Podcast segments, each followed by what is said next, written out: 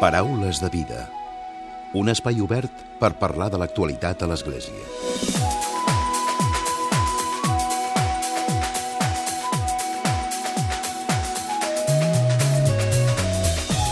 Què tal? Salutacions i molt bon dia, molt bon diumenge. Avui us volem parlar de la Bíblia i de la psicoanàlisi i de la relació que s'estableix entre les dues. La Bíblia ens parla d'experiències del diví i la psicoanàlisi d'experiències de l'inconscient. Ho fem a partir de la publicació recentment per part de Fragmenta del llibre El sacrifici prohibit, Freud i la Bíblia de la reconeguda psicoanalista francesa Marie Balmarí. Ella és una de les lectores de la Bíblia més rigoroses, atentes i estimulants, segons en recorda l'editor de Fragmenta, l'Ignasi Moreta. Posar, posa en qüestió 20 segles d'hermenèutica bíblica amb una lectura atenta i lúcida del text. Aquest és el quart llibre de Marie Balmarí que surt a Fragmenta Editorial. El primer va ser L'origen diví, Déu no ha creat l'home, va ser l'any 2008, el el monjo i el psicoanalista de l'any 2013, Freud fins a Déu, el 2011, i anirem tots al paradís, el judici final en qüestió amb Daniel Margarat. Aquest va ser el 2013. Tots aquests llibres han estat traduïts per Andreu Trilla. Avui, però, al Paraules parlarem amb Jaume Angelats. Ell és doctor en teologia amb una tesi inspirada en l'obra de Marí Balmarí. De seguida el saludem.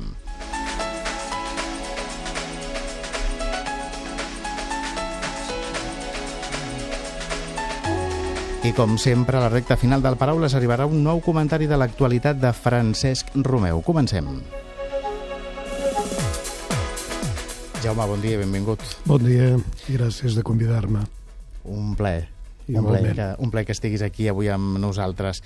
Per què Marí Balmarí fa una lectura de la Bíblia des del punt de la psicoanàlisi? Bé, perquè com a bona psicoanalista ella s'interessa per la, eh, per la persona humana i diríem per, per les qüestions que afecten eh, les persones i això la porta, entre altres aspectes, a, a posar en valor i a descobrir el que per ella són els textos eh, fonamentals de la, de la cultura, bàsicament la nostra cultura occidental, i considera que la Bíblia doncs, és el gran codi cultural que ha configurat eh, el nostre marc eh, de referència i en aquest sentit, eh, a partir de, de la psicoanàlisi, ella es va posar a estudiar la Bíblia amb rigorositat i amb intensitat. Uh -huh. Es parteix també de la idea mm, de que hi ha desconfiança per part de la Bíblia cap a la psicoanàlisi, de la psicoanàlisi cap a la Bíblia. Sí, hi havia certament una, una, una tradició de desconfiança des del sorgiment de la psicoanàlisi a partir doncs, de, de l'aportació de Freud, eh, bàsicament, i de, dels seus eh, seguidors i deixebles de les diverses escoles. De fet, eh, Maribel Marí, eh, dins l'àmbit de la psicoanàlisi, ella eh, en principi era lacaniana, eh, de, seguidora de Lacan, tot i que eh, també diríem des de un punt de vista crític, eh? però bàsicament, eh, certament hi havia aquesta, aquesta mena de recel recíproc. Eh? Uh -huh. No obstant i això, eh, curiosament, eh, Maribel Marí, en la seva recerca, eh, sintonitza després amb una lectura de la Bíblia que ja d'una manera o altra, sense naturalment eh, poder-se eh, així etiquetar de, de psicoanalítica, però era la lectura bàsicament de caràcter simbòlic i de descodificació de, dels grans paradigmes eh, eh, referents, diríem, a les inquietuds humanes i a la relació eh, de les persones entre elles i de la seva obertura al transcendent que ja havien posat en relleu els anomenats pares de l'Església en els primers segles de cristianisme, no? Uh -huh. I ella, des d'una mirada, diguem-ne, més contemporània, en el fons, eh, sintonitza amb aquesta lectura que després, al llarg dels segles, va quedar com així una mica diluïda, difosa, eh? I, i la Bíblia eh, va tenir una recepció, podríem dir, una mica eh, empobrida per la majoria doncs, de, de lectors eh, eclesials i eclesiàstics de la Bíblia. És a dir, que ell ha fet com una, un estudi més, més acurat i ha anat més enllà, quan, quan es revisa o quan s'interpreta la Bíblia? Bé, ella val a dir que, i això és una cosa que, que cal posar en relleu, que ella eh, és una, una, una, una lectora mm, molt rigorosa del text bíblic i una mica eh, seguint així el patró psicoanalític, de la mateixa manera. La psicoanàlisi, bàsicament, es basa en l'escolta eh, de la paraula eh, de l'altre eh, i en la relació que s'estableix eh, entre el que, diguem-ne, eh, és analitzat i, i l'analista, podríem dir, no?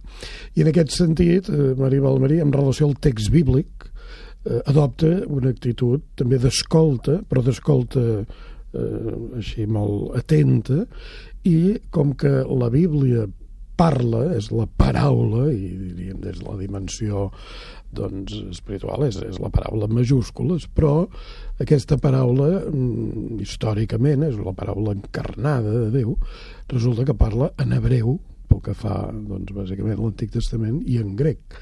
I era per escoltar eh, la, el text, doncs, eh, va considerar que havia d'aprendre hebreu i havia d'aprendre grec, perquè eh, s'havia... Per arribar de... fins a l'essència de que calia, diríem, acollir eh, la, la paraula en la seva font primigènia i a partir d'aquí, llavors, el que fa, i en aquest sentit per això ha fet aportacions eh, així com molt suggeridores i molt interessants, doncs eh, ella eh, analitza amb, amb, amb una gran subtilesa, amb una mirada eh, enriquida per la perspectiva psicoanalítica, jo també hi afegiria des de la la, la, la mirada femenina doncs, eh, aspectes eh, nuclears de la Bíblia i d'alguna manera proposa lectures que capgiren la lectura a vegades més eh, tradicional o, o més comuna que se n'havia fet. Interessant això que diu de la, de la visió femenina, no? Mm, de,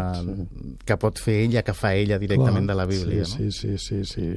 Perquè ara hi ha, d'alguna manera, hi ha moltes altres diríem, eh, lectores de la Bíblia que han fet aportacions molt boniques, però, és clar Marí Balmarí, els seus primers eh, treballs eh, publicats almenys, en relació a aquesta seva lectura de la Bíblia ja són dels anys 80, eh? Ja fa dies, diríem, oi? I ella ho ha anat, eh, eh, diguem-ne, continuant, també, i això també crec que és eh, remarcable, ella la lectura la fa compartida amb, amb, amb un grup de persones, eh, des de fa molts anys, metodològicament, ella fa una, una recerca compartida. Això també jo crec que, que és, interessant. és interessant. No és només, diríem, la seva perspectiva, sinó que és una perspectiva contrastada des de també, eh, podríem dir, una aproximació interdisciplinària, perquè els altres participants en aquesta mena de seminari permanent que ella va com iniciar per, per la l'estudi de la Bíblia doncs és, és un, un seminari que té també això, mirades diferents que enriqueixen després eh, aquesta proposta doncs, de, de significació. Uh -huh. La Bíblia, quan es parla de la Bíblia també es parla d'un text com aquí oblidat, un text que, un text que no s'analitza o que potser està en un racó i no, i no se n'en parla. Sí, certament, i lamentablement, no? en el nostre àmbit, diguem-ne, eclesial, la Bíblia, tot i que des del Vaticà II hi ha hagut un gran esforç no? d'aproximar la Bíblia, diríem, posar-la a les mans de, de tots els lectors que, que, que es disposen a contrastar-se amb aquest text, però tot i així, certament que la lectura assídua i una mica aprofundida de la Bíblia és lamentablement minoritària. En el nostre àmbit, eh, podríem dir en aquest sentit, com que estem en aquest programa, de la tradició més catòlica, perquè dins la, les esglésies, diríem, cristianes, les esglésies eh, que neixen a partir de la reforma de Luther, tenen una, familiaritat, almenys fins ara, eh, major en la lectura i en el coneixement uh -huh. de la Bíblia, no? Però en el nostre àmbit més catòlic, doncs mira, molts eh, diguem-ne cristians es limiten a l'escolta, doncs en les celebracions litúrgiques i que a vegades un escolta així una mica doncs, superficial i que Exacte, és difícil no, que queda aquesta mirada no? més superficial, sí. no? sense entrar-hi. Sí. Uh -huh quan, quan parlàvem de d'un text que, que potser no, no es coneix o d'un text que la, la mateixa autora Marí Balmarí pot eh, posar en qüestió, també es parla precisament de que és un text que és molt sagrat però que també ens fa esclaus. Sí, però precisament ella en això té el priorit de, podríem dir, de donar la volta en aquesta de capgirar. De capgirar.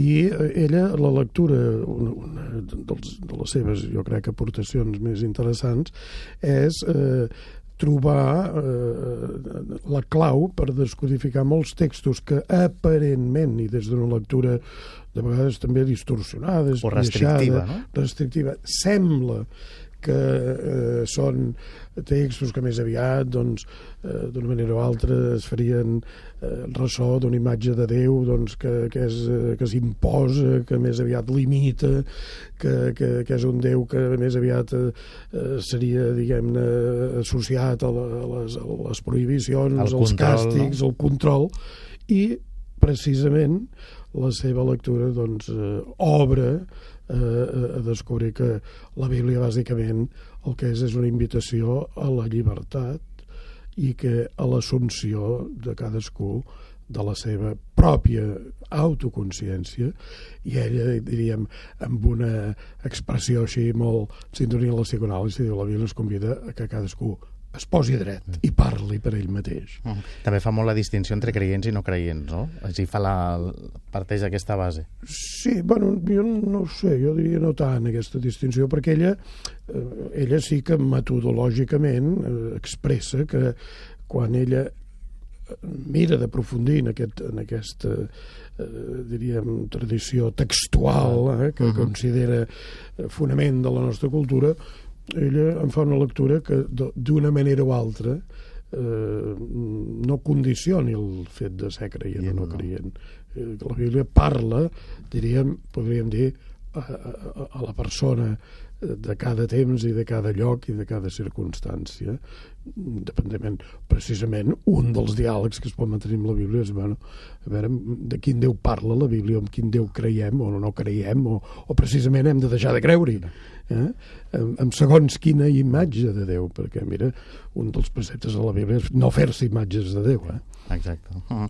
No sé si, amb, Jaume, amb aquest llibre, amb la publicació d'aquest llibre, potser hi haurà molta gent que sí que s'acosti realment a la Bíblia, o farà que la seva lectura el pugui acostar a la, a la Bíblia. Bé, una mica eh, crec que aquest és, és la intenció, diríem, la intenció dels editors. I el, exacte, dels editors, i que com que ja és el, el quart eh, llibre que, que s'edita de, de, de, de l'obra de Balmarí, vol dir que d'una manera o altra ja ha trobat un, una colla de lectors que acullen aquesta, aquesta perspectiva, aquest discurs, i per tant eh, són llibres que no, no són per llegir així eh, d'una manera seguida, potser de Jo per mi és dens. És dens, sí, sí, és dens, però eh, diríem, deixa'm fer broma, Maria Balmarí diria, i que no és densa la vida. Clar. És dir, és clar, miri, perdoni, però és que viure... Res és fàcil, no? Exactament, vull dir, demana eh, eh, posar-se en aquest sentit de, amb una actitud de, de, de tensió i d'anar a fons eh? i en aquest sentit la Bíblia eh, té complicitat en aquesta recerca eh? Uh -huh. De fet, hem de dir també que ho hem dit a la portada, però ho recordem, la traducció del llibre ha estat a càrrec d'Andreu Trilla, oi? Sí. que també és coneixedor de, de l'obra de Marí Balmarí, igual que, que avui en Jaume sí, ens acompanya. Sí, sí, sí. Sí, anecdòticament, eh, quan... Eh, jo... Ara s'estan fent presentacions, no?, del llibre? Sí, sí, ara aquests dies es presenta aquesta obra, però quan eh, jo fa, de fet, 12 anys vaig iniciar la tesi, eh, descobert així una mica per casualitat l'obra de Marí Balmarí a través d'una traducció italiana i com que bé, jo havia eh, fet estudis eh, de, de Bíblia a Roma, però també de, de psicologia, i llavors em va semblar que podia ser interessant un exercici de diàleg entre la psicologia i la Bíblia i va ser descobrir aquest filó de Marí Balmarí. I quan es va anunciar aquesta tesi em va trucar l'Andreu Trilla dient, escolta, que no ens coneixíem, llavors em va dir, escolta, com has conegut Marí Balmarí? Perquè resulta que ell també per casualitat l'havia conegut i ja feia temps que estava traduint eh, els seus llibres, que originàriament ell escriu naturalment en francès, ella és parisina, i els traduïa en català perquè li interessaven tant i va quedar sorprès eh, que algú més també l'hagués descobert. I mira, va ser molt simpàtic això.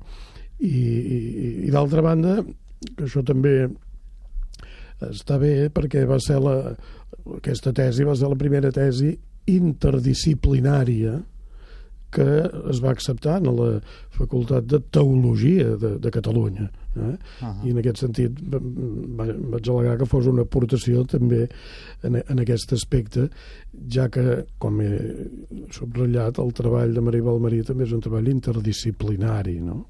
Uh -huh. I, I llavors ella acabava de publicar en francès aquesta obra que ja hi has fet referència, que es diu El monjo i la psicoanalista, que és un, un treball seu una mica com així més de literari, en la que ella, eh, diríem, expressa un diàleg que va tenir ella amb un monjo que és el, era, ara ja va morir, el pare Marc Lacan, que era el germà del psicoanalista Lacan. Uh -huh, uh -huh. I eh, ella va tenir, i ell també era un gran coneixedor de la psicoanàlisi, i ella va mantenir un diàleg profund eh, sobre temes, diguem-ne, que toquen eh, tots aquests vessants de, perquè al començament deies la, la Bíblia parla de la dimensió divina, la psicoanàlisi de l'inconscient, però tant la psicoanàlisi com la Bíblia de què parlen també és de, de la condició humana eh, i de l'obertura. Estan, estan estretament lligades. Exactament.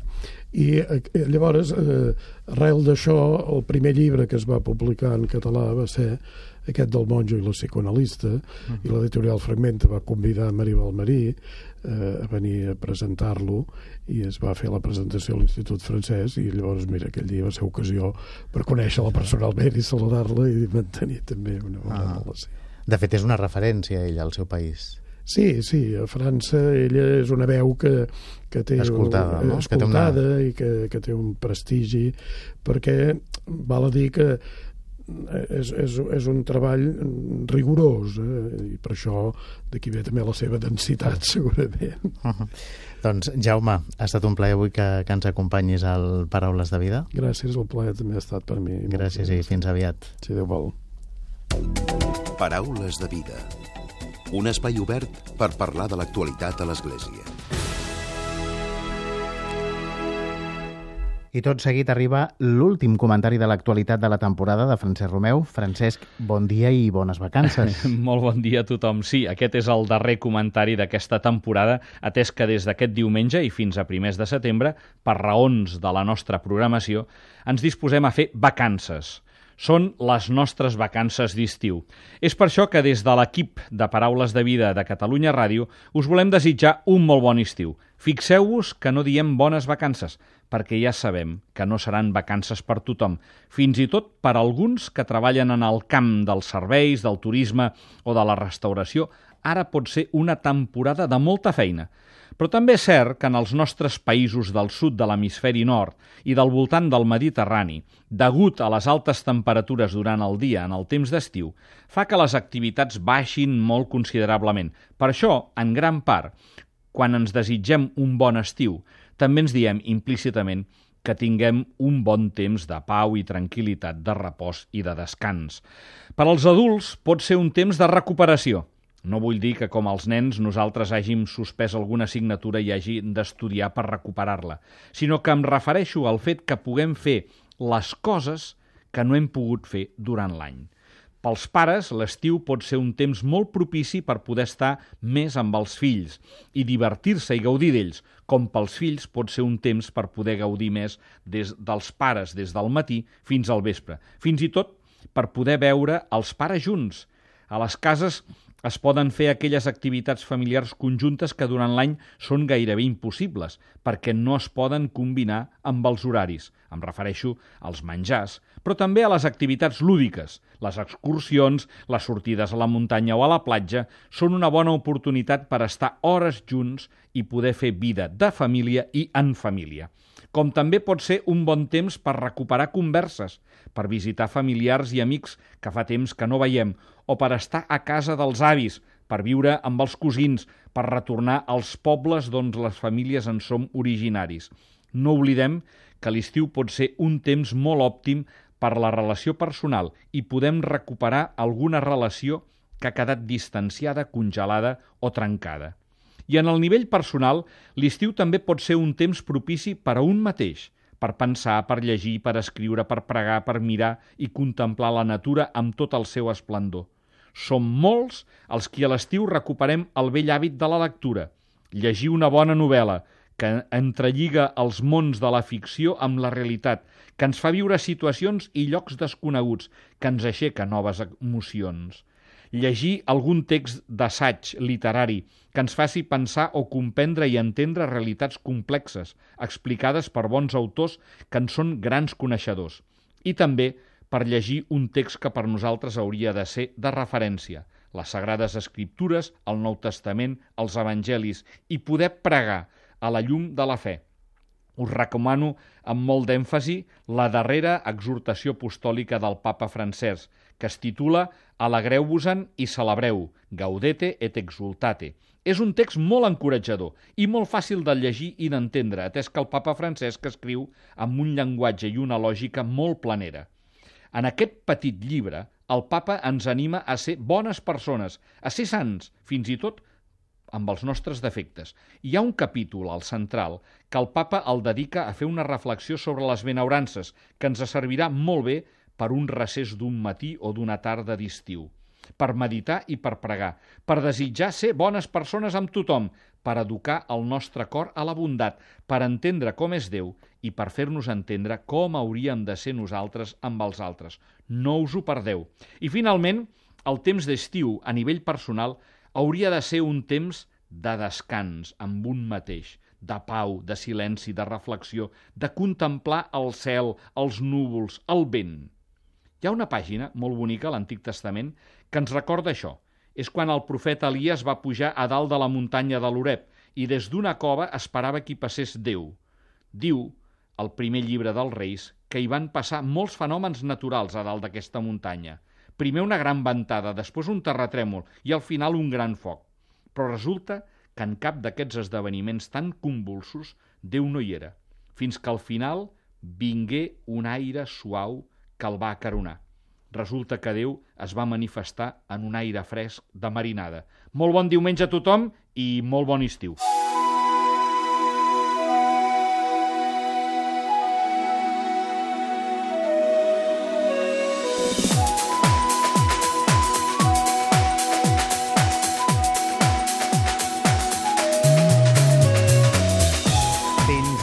Paraules de Vida d'aquesta setmana i també d'aquesta temporada. Com sempre, gràcies per haver-nos acompanyat al llarg dels últims mesos d'aquesta última temporada. Ens retrobarem a principis del mes de setembre. En Jordi Mas ha estat el control tècnic i qui us ha parlat, l'Emili Pacheco. Que passeu bon diumenge i molt bon estiu.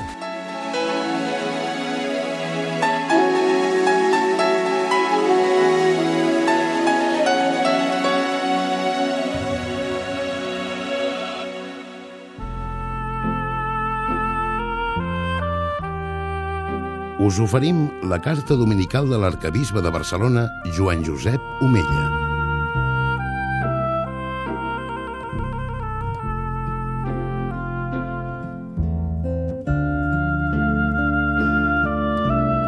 Déu vos guard.